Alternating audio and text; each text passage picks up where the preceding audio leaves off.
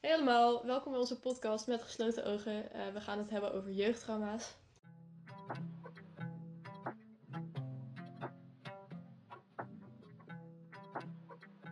In de eerste aflevering geven we een korte introductie van het onderwerp. En zullen we ook uitleggen wat we de rest van de, waar we de rest van de podcast over gaan hebben. Nou, we gaan even beginnen met een disclaimer. Eh, die zul je later in de podcast ook terug horen komen. Ehm, we zijn geen professionals en we proberen ook niet te doen alsof we dit zijn. Alle inhoudelijke informatie komt van verschillende soorten bronnen die we gezien of gelezen hebben, of bestaan uit eigen ervaring. We zullen zoveel mogelijk aangeven waar we informatie vandaan halen. In de beschrijving van elke podcast zal te zien zijn waar de aflevering over gaat. Uh, lees dit van tevoren en besluit zelf of je de headspace hebt om naar gesprekken over deze onderwerpen te luisteren. We doen ons best om de afleveringen relatief luchtig te houden, maar de onderwerpen zijn soms best heftig. Uh, houd hier rekening mee als je gaat luisteren. Ook zijn in de beschrijving en onze website links te vinden naar organisaties waar je contact mee op kunt nemen als je ergens mee zit. Nou, tot zover de disclaimer. Uh, we gaan even beginnen met onszelf voorstellen. Uh, maar al wil jij de spits afweten? Ja, is goed. Uh, ik ben dus Maëlle, ik ben 20 jaar oud. Ik studeer verpleegkunde aan de Hogeschool Leiden, ik ben nu tweedejaars. Um, ik kom uit Haarlem, oorspronkelijk uit Frankrijk. Um, verder mijn interesse, ja, ik hou van lezen, ik hou van foto's maken. Ik hou van lekker knutselen, knutselen jeetje, af en toe. ja, dat was het eigenlijk. Hmm, oké. Okay. Um, ik ben Samantha, ik ben 21. Ik uh, studeer psychologie aan de Universiteit Leiden. Um, en ik kom ook origineel uit Haarlem.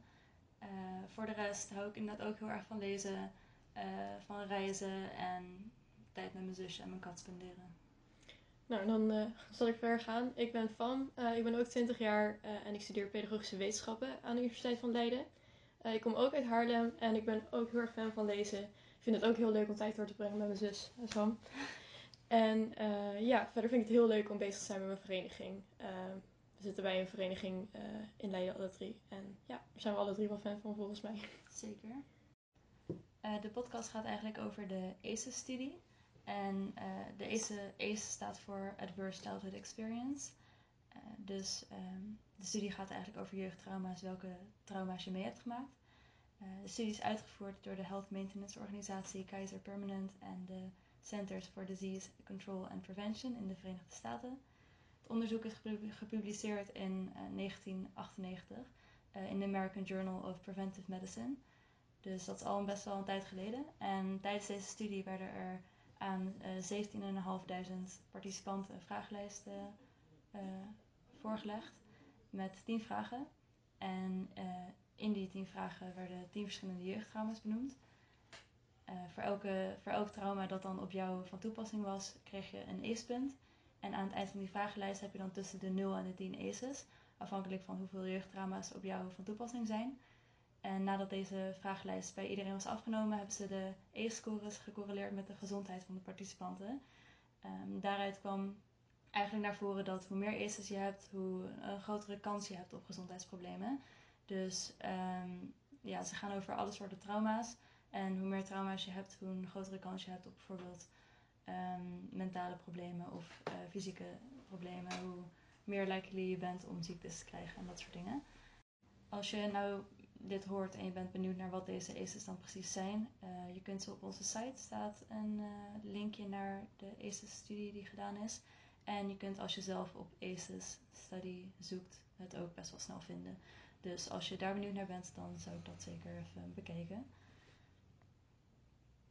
Ja, want het, ja, het, het gaat dus wel om statistieken. Dus het betekent niet dat als je bepaalde dingen hebt meegemaakt, dat je dan sowieso een grotere kans hebt op, zeg maar, bijvoorbeeld hartfalen of op kanker of dergelijke dingen. Zelfmoord is ook een bekende die veel, die veel genoemd wordt. En als je meer dan zes ACEs had, of was het vier?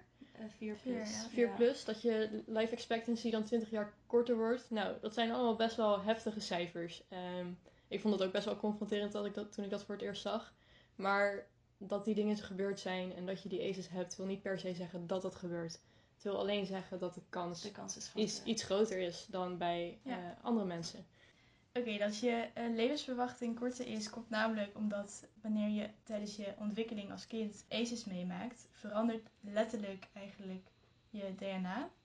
Het is een heel lang verhaal, het is ook heel ingewikkeld en ik snap het zelf als persoon die daar niet echt meer over weet dan ja, de biologie zeg maar, eh, ook niet alles van. Maar ehm, het gaat er eigenlijk om dat eh, een kind eh, tijdens opgroeien, als je uh, meemaakt, dan leef je constant eigenlijk in een stressmode. Je moet je voorstellen, het is alsof je de hele tijd in een kamer zit waar de brandalarm afgaat. En je kan er niks aan doen en het gebeurt steeds. En je lichaam gaat steeds gewoon in die stressmode zitten. Ehm, en ja, wanneer je in dat stressmode zit, dan ga je bepaalde stoffen aanmaken. Je reageert anders dan wanneer je natuurlijk in rust bent. Normaliter is dat natuurlijk een goed ding, want als je dus inderdaad echt een stresssituatie tegenkomt en je moet zeg maar rennen voor je leven, dan is het nuttig om die hormonen aan te maken en om je hartslag sneller te laten gaan en dat soort dingen. Maar uh, ja, bij dit soort gevallen gebeurt dat dus gewoon te vaak en gaat, stopt het ook niet aan het eind. Omdat die stresssituatie je huissituatie, je thuissituatie ja, precies, Ja, ja het is, je, waarschijnlijk zijn jullie wel bekend met het uh, flight or uh, fright, zeg maar, fenomeen. Fight, flight, freeze, die? Ja, het heeft meerdere namen, maar gewoon het gaat erom dat als je iets... Dus zeg maar, bijvoorbeeld er staat een beer voor je. Je gaat of wegrennen of je Gaat blijft gewoon staan van... Oh, Gaat nou, vechten wat? met de beer. Ja, of je gaat vechten met de beer. Lijkt mij niet een goed plan, maar goed. Dat kan gebeuren, dat jij denkt van, ik ga ervoor. Ehm, maar ja, dus dat, dat fenomeen, ehm, dat is eigenlijk je eh, zenuwstelsel die zegt van, nu moeten we iets gaan doen of niet. Maar er moet iets gaan gebeuren, want jij bent in gevaar. En eh, kinderen die dus eh, nou ja, dat dagelijks meemaken omdat zij in een omgeving leven waar het niet eh, veilig is. ehm, ja, dat doet iets met het lichaam, waardoor het uiteindelijk leidt tot meer eh, kans op, op volwassen leeftijd ziektes of ja, negatieve uitkomsten voor je gezondheid, zeg maar. Ja, precies. Ja. en waarom, ja, waarom bespreken we dit eigenlijk en waarom vinden wij dat het belangrijk is om een podcast, podcast over te maken? Is eigenlijk vooral omdat een heel groot deel van de bevolking ook hiermee te maken heeft. Ja. Er is echt een heel groot percentage mensen wat in ieder geval één ACE heeft. Eh, en er zijn ook meer dan je denkt die echt dus vier of meer ACEs hebben. En zelfs als je dus zelf geen ACEs hebt, ken je waarschijnlijk wel iemand die ACEs heeft. En dan is het wel fijn om daar rekening mee te, mee te houden. Ehm, en ook vooral in medische settingen is het belangrijk. Want eh, bijvoorbeeld met huisartsen, als, die, eh, als we daar zouden kunnen implementeren dat ze een screening doen elke keer dat ze een nieuwe patiënt zeg maar, eh, bij hun praktijk krijgen. of bijvoorbeeld als zij daarmee akkoord gaan, dat ze die ACEs-test afleggen. Ehm, en de huisarts die weet van zijn patiënt van, oh, die, deze persoon heeft meer dan vier ACEs. Dan weet die ook bijvoorbeeld van, oké, degene die nu voor mij zit, heeft vier keer zoveel kans om depressief te worden en 2,5 keer zoveel kans om hepatitis of COPD te ontwikkelen. En dat soort dingen zijn natuurlijk wel fijn voor een huisarts om te weten Ja. ook. Omdat dat af en toe wel ja, kan spelen. Eh, en naast die gevolgen is, ja, is het ook belangrijk voor huisartsen om te weten dat ze dan iets aan de thuissituatie kunnen doen, mocht dit bij jonge kinderen zo zijn. Dus ja, Ja, en dan kan de zorgverlener iets aan doen in ieder geval. Precies. Alert blijven voor dat soort Voor ontwikkelingen. het gevolgen ook en zo, ja. Ja, ja precies. Ja, er zijn nu bij een aantal jeugdhulporganisaties zijn ze al eh, testen aan het gebruiken die te maken hebben met de ACEs die er vergelijkbaar mee zijn. Maar eh, vooral ook inderdaad bij huisartsen, ehm, bij de, ja, veel van de medische hulpverleners gebeurt dat, ja, naar ons idee in ieder geval, Ja, nog heel erg Ja. weinig. Ook naar mijn Ja. persoonlijke ervaring.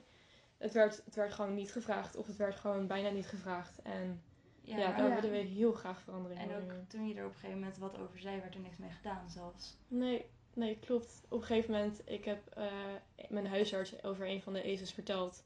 eh, over mijn ervaring daarmee. Eh, en ja, ik weet niet. Er, dat had gewoon, zeg maar, officieel volgens de richtlijnen had deze huisarts hier een melding over moeten doen. Eh, en dat is niet gebeurd. Ehm, ja, het wordt gewoon te vaak niet meegenomen Ja. eh, in de overweging over hoe je zorg, aan gaat, hoe je zorg, zorg gaat verlenen. Terwijl ja, de cijfers die in de ACE-studie naar voren komen, maar ook in heel veel andere studies naar voren komen, juist enorm benadrukken hoe belangrijk het is Ja, Ja. om er wel rekening mee te houden. ja. Dus ja, dat is eh, voor ons een hele grote reden om hier Mhm. toch wat meer tijd in te steken. En een, ook een reden waarom we hier zo ongelooflijk geïnteresseerd in zijn. Want het kan echt impact hebben om hiervan af te weten en hiervan gebruik van te maken. Ja, en ook wat ook een groot onderdeel ervan is, is dat het nog zo'n ja, dat er toch een taboe, dat het toch een beetje een taboe onderwerp is of zo. Dus Ja, ja, met gewoon hier meer over praten en ook duidelijk maken hoeveel mensen hier eigenlijk ja, mee dealen, is het Mm. ook wel ja, een soort doel om te zorgen dat mensen er juist makkelijker over praten en Ja. het juist beter aangeven. En dat als het aangegeven wordt, dat er dan dus inderdaad wat mee gedaan wordt. Ja. Ja, En Want veel kinderen hebben het ook gewoon niet door. Dan denken ze, dit is normaal. ja precies. Want nou ja, als een kind wat je ouders zegt of wat je ouders doet, dat is gewoon... en voor je, jou en ook je kent normaal. niks anders Ja, precies. je weet en op een echt gegeven niet moment groei je beter. op en dan denk je, oh, er zit hier iets fout. Maar dan durf je niet te zeggen, want jij denkt, oh nee, dat, ja, zo Het is het gewoon. Ja, zo, precies. ja. Dus ja, Of denken dat het je eigen schuld is. Die hoor je ook Ja. heel vaak. Heel veel. En ja, door het er juist met mensen over te hebben dat dit soort dingen spelen en aan te geven dat dat niet is hoe het hoort. Ja, het is niet normaal. Nee, dat bespreken en dat aankaarten en er vanaf weten wat er kan gebeuren en wat je daarmee zou kunnen doen.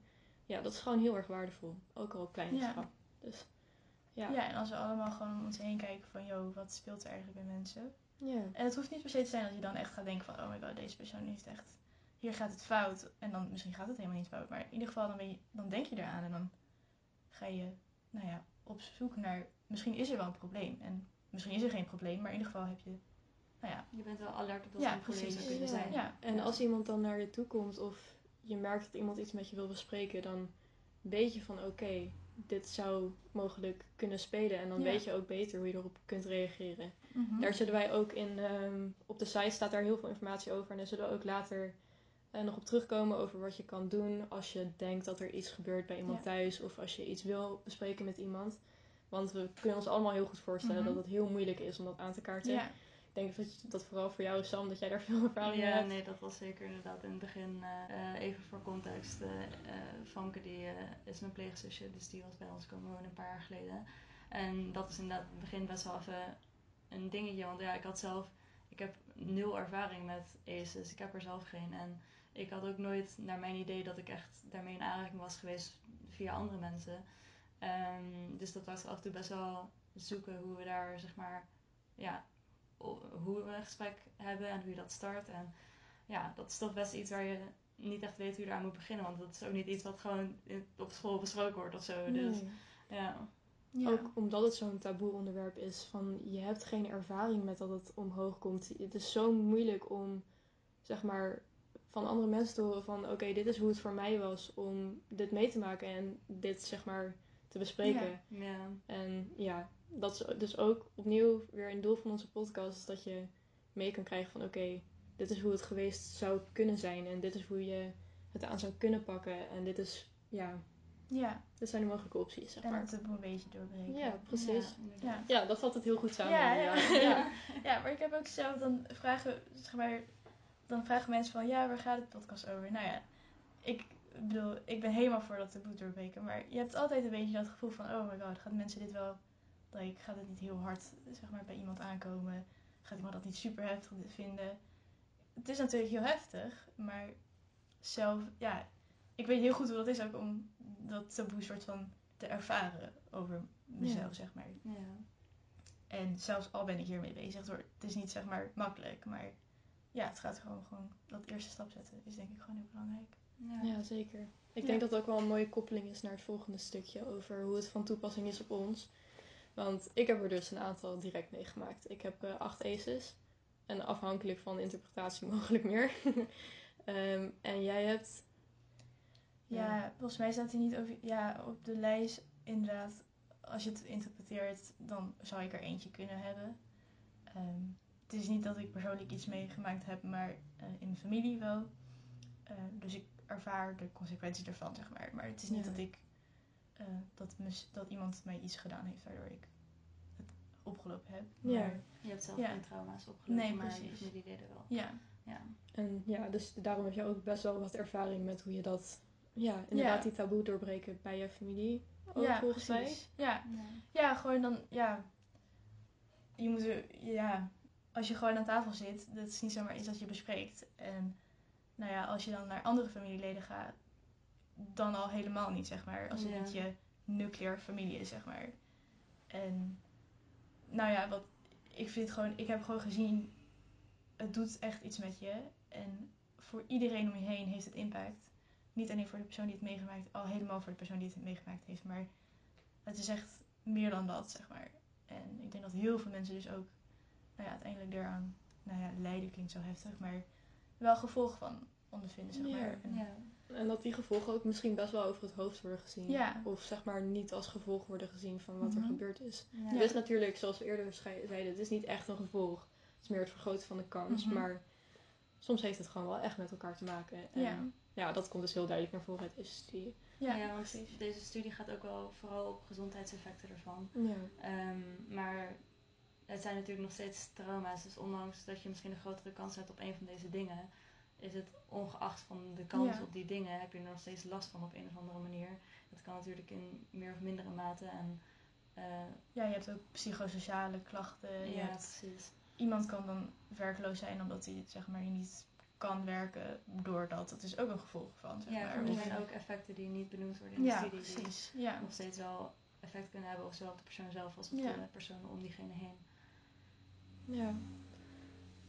Nu we het over, hebben over de onvolledigheid van de studie. Er zijn natuurlijk ook heel veel jeugdtrauma's die niet in de ESUS uitgedrukt worden. Ehm, en we gaan hier later nog uitgebreider op, eh, eh, Op in. ja, op in, inderdaad, in een eh, latere aflevering.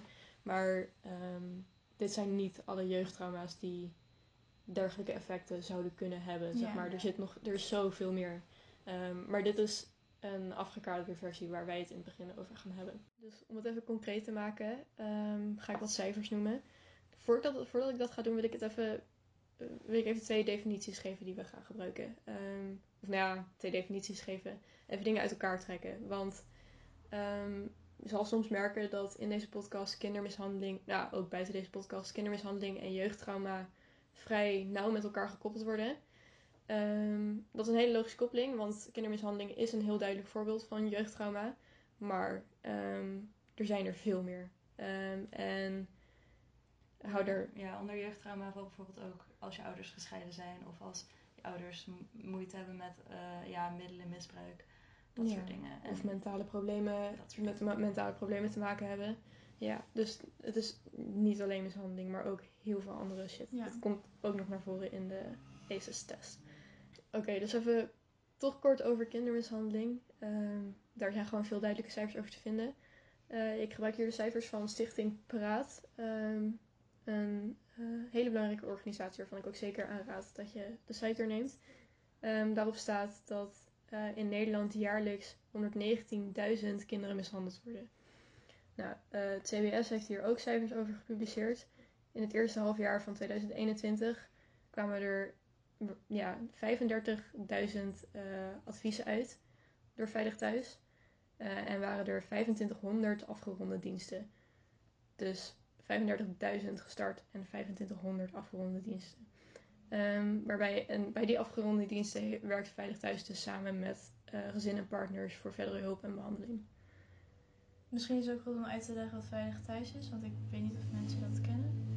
Ja, ehm, Veilig Thuis is een organisatie die, ehm, ja, die dus met gezin samenwerkt om eh, ervoor te zorgen dat de gezinssituatie goed Ja. is. Die ehm, de meldingen, eh, die meldingen van kindermishandeling binnenkrijgt Mhm. en ook gesprekken eh, voert met mensen die om het gezin heen zitten, die melding hebben gedaan over een vermoeden van. Ja.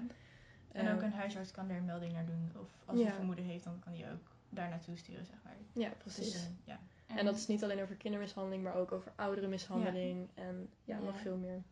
Er zijn natuurlijk heel veel dingen nog eh, waar, je dan, waar we nu geen rekening mee houden. Er, zijn ook, er is ook nog een categorie waarbij er wel onderzoek bezig is, maar dat, het niet, dat ze niet echt verder komen omdat het gezin niet mee wil werken en dergelijke. Eh, er komen ook heel veel me- meldingen binnen die uiteindelijk niet gegrond, goed gegrond blijken te zijn. Ehm, dus hou er ook rekening mee. Ehm, we weten natuurlijk zelf ook niet precies wat het allemaal inhoudt. Omdat, nogmaals, er ontstaat best wel, er bestaat een enorme taboe rondom dit onderwerp. Ja. En je kan gewoon geen goed beeld krijgen van wat er precies ja, gaande is. En het is heel lastig om ook te helpen soms. Ja, dat is ongelooflijk lastig om in te grijpen. Ehm, dus we geven nu best wel schokkende cijfers. eh, en Zul je in de werkelijkheid waarschijnlijk meer zijn ook. Van niet gemelde ja, gevallen. Ja, dat zou ook heel goed kunnen, inderdaad. Dus we willen, dit, we willen met deze cijfers meer aangeven van... Yo, het gebeurt echt veel. En zou ook heel goed kunnen dat dat zeg maar gewoon in je omgeving gebeurt of is gebeurd. Ehm, en daar hoef je verder niks mee. Maar het is wel even om aan te geven van oké, het gebeurt wel en het is belangrijk om het erover te hebben. Nou, ehm, ga ik heel kort even in op wat je zou kunnen doen. Uh, of het wanneer het bij jou gebeurd is, of wanneer het bij jou gebeurt. Of wanneer je het vermoeden hebt van wat het, dat het bij iemand anders gebeurt. Ehm, we hebben op de site een kopje met, um, met wie kan ik contact opnemen, waar kan ik hulp vinden. Um, en een aantal van de organisaties die, waarvan we daar ook linkjes hebben geplaatst is, zijn Slachtofferhulp, Centrum Seksueel Geweld, de Kindertelefoon, uh, Slachtofferwijzer, Veilig Thuis, Jongerenhulp Online en advies- en melding sites van de politie en dergelijke. Um, dus als je um, daar geïnteresseerd in bent, neem vooral even een kijkje op onze site www.metgeslotenogen.com. Nou, hoe gaan we het aanpakken, Sam? Um, ja, nou, deze podcast die, uh, gaat natuurlijk voornamelijk over de ACES-studie. En we willen dan uh, per aflevering focussen op de verschillende ACES die er zijn. Want in totaal zijn er tien. en we hebben deze een beetje verdeeld over de afleveringen. En dan willen we per aflevering ingaan op uh, ja, twee of drie ACES. Soms één als het een hele grote ACE is. Of een heel groot onderwerp. Willen we ingaan op het, ja, op het onderwerp zelf, wat het inhoudt. Uh, en wat de consequenties ervan zijn.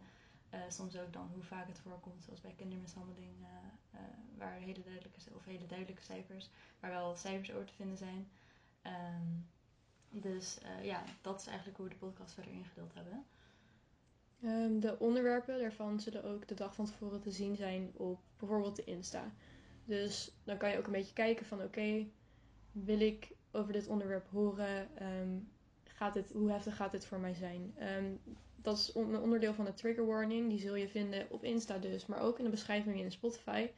Want nogmaals, het zijn gewoon af en toe heftige onderwerpen. En het is belangrijk dat je echt voor jezelf besluit, oké, is het voor mij oké nu om hierover te horen? Of wacht ik er even mee? Of doe ik het later? Of wil ik het eerst bespreken met iemand? Um, ja, ik kan me heel goed voorstellen dat het soms gewoon wel heftig is. En doe daar gewoon voorzichtig mee. Nou, wil jij vertellen hoe we te bereiken zijn, al? Ja, um, we zijn te bereiken natuurlijk, van zei het al, uh, via Instagram. Uh, met gesloten ogen heten we daar. Um, daar kunnen jullie ons een privébericht sturen, mocht jullie dat willen. Maar um, jullie kunnen ook via de website reageren. Uh, daar vinden jullie ook onze bronnen, de website die Vanke net uh, geciteerd heeft. Um, maar ook uitleg over de studie en um, over onszelf ook. Uh, verder hebben we een e-mail met gesloten gmail.com. en voor vragen, feedback, suggesties, wat dan ook, mogen jullie dus ons altijd bereiken. Dus via de mail, via de Insta of via de website. Ja, super. Ja, we willen nog even een keertje benadrukken. We zijn geen professionals. We weten niet alles. We zijn in opleiding, maar je kan gewoon nooit alle informatie hebben. Dus als er op een gegeven moment iets voorbij komt waarvan je denkt: oké, okay, ik vraag me af of, dit, of, dit klopt, waar komen deze cijfers vandaan? Stuur ons een berichtje en vraag het. Wie weet hebben we er, echt, we hebben er zelf ook wat aan. En ja. het is goed om daar zoveel mogelijk duidelijkheid over te creëren. Dus van die contactgegevens, maak er gebruik van. Want we staan voor jou voor kritiek. Ja, precies. Voor ons is dat ook heel erg fijn. En ook als je hulp nodig hebt, wij zijn, again, geen professionals, dus dat kunnen wij helaas niet echt ja, bieden. bieden. Maar we zijn natuurlijk wel altijd open voor gesprekje hebben als je even een luisterend oor no nodig hebt. Maar ja, als je eigen ervaring wil delen ja, uh, met de podcast, ook altijd welkom. Het mag. Het mag. En we kunnen ook altijd je doorsturen naar uh, organisaties die er ja. wel verstand van hebben en die je wel inhoudelijk kunnen helpen. Ja, als je bijvoorbeeld gewoon wil praten daarover en niet precies weet bij, ja, bij welke organisatie of waar je het best terecht kunt, dan uh, helpen we graag daarmee ook. Ja, zeker. Ja, dus wees welkom. Um, nou, een positieve noot. Dan gaan we het hebben over het mooiste moment van de week. ja, is goed. Het is de bedoeling dat we elke keer de podcast een beetje afsluiten met een, nou ja, luchtig, luchtige, iets, ja, ja, precies. Dat het niet, omdat het een zwaar onderwerp is, dat je even op stop kan zetten en denkt van oké, okay, het is afgesloten, zeg maar. En het is stiekem ook wel grappig, omdat wij af en toe gewoon echt wel best wel kneusjes zijn. Dan heb ik het voornamelijk over mm. mezelf. Er gebeuren af en toe gewoon rare dingen. En ik kan me voorstellen dat het af en toe best grappig is om daar ook iets over te horen. Misschien is dat heel ego, maar I don't know. Nee, ik stel voor dat we me al eerst gaan. Mooiste moment van de week. ben voornamelijk thuis gebleven deze week. Want eh, wat heel positief was, was dat eh, mijn vriend positief was. Ehm, dus ja, ik heb eh, niet veel meegemaakt. Wat wel mooi was, ehm, ik zit momenteel op rijles. En ik had een hele goede rijles. Dus dat was heel chill. Ehm, ja, Nou, I guess dat, niet. ja. Dat is Ja, mooi mooi, toch? Ja. ja. Heel chill. Nou, Ja. Sam, eh, ga jij of ga ik? Nou, eh, ik eh, had eh, dansles gisteren. en vlak voor mijn dansles werd ik opgebeld dat uh, Famke buitengesloten was. omdat de sleutel het slot niet meer in wilde. Ehm, en nou, loopt al een paar dagen te kloten met de sleutel. Dus ik dacht gewoon van ja, dat ligt aan je sleutel. En ik kom er zelf wel in, zeg maar. Nou, eindstand gebeurde dat dus niet. Dus we waren gewoon buitengesloten. En onze, alle onze sleutels werkten niet meer. Mijn sleutel niet, Famke de sleutel niet, die van de buren niet. Het was echt dramatisch. dus ehm, ja, toen hebben we allebei ergens anders moeten slapen. En eh, vanochtend kwam er de slotenmaker om het slot open te breken. En die had echt binnen twee minuten voor elkaar, omdat hij gewoon heel hard tegen de sleutel aangerand had. Dus dat was... eh, Ja, ik, ik bedoel, ik ben blij dat wij dat niet gedaan hadden, want hij heeft het wel heel tactisch gedaan met like, een schroevendraaier. En like, was hij, wel, hij heeft daar skills in, die heb ik persoonlijk dan weer niet. ja. Maar het voelde wel een beetje knullig dat wij dus gewoon, nou wat is het, ruim 12 uur buitengesloten Ja. waren. En, En- en, en nu denk je wel van, hoe is dit het mooiste moment van de week? Nou, De deur ging moment- open! Ja, het mooiste moment was dat de deur toen open ging en we weer naar, we gewoon ons huis binnen konden. Dus daar waren we heel gelukkig mee. Ja, dan merk je toch wel dat het echt wel heel chill is om gewoon ja, naar binnen te kunnen en Calypso te, ja, de kat te kunnen aaien en gewoon ja, eigen plek te hebben. Ja, dus we waren, we waren daar erg dankbaar voor. Ja. En we hebben er allemaal gelachen. Ja, we, zijn, we hebben dubbel Zeker. gelegen. De- ja, we horen ook altijd ja, alleen bij jullie. En Ja. dat is ook echt zo, echt alleen bij ons. Dus dat vinden we altijd wel best wel flink vermakelijk. Ja. Nou ja, eh, dan zijn we eigenlijk nu bij het eind van de eerste aflevering gekomen. Ja, Denk ik zo. precies. Dank jullie wel voor het luisteren. Ja, En we hopen jullie volgende week, eh, of volgende week, de volgende aflevering weer te zien. ja. Thanks. En eh, hopelijk tot snel. Joejoe.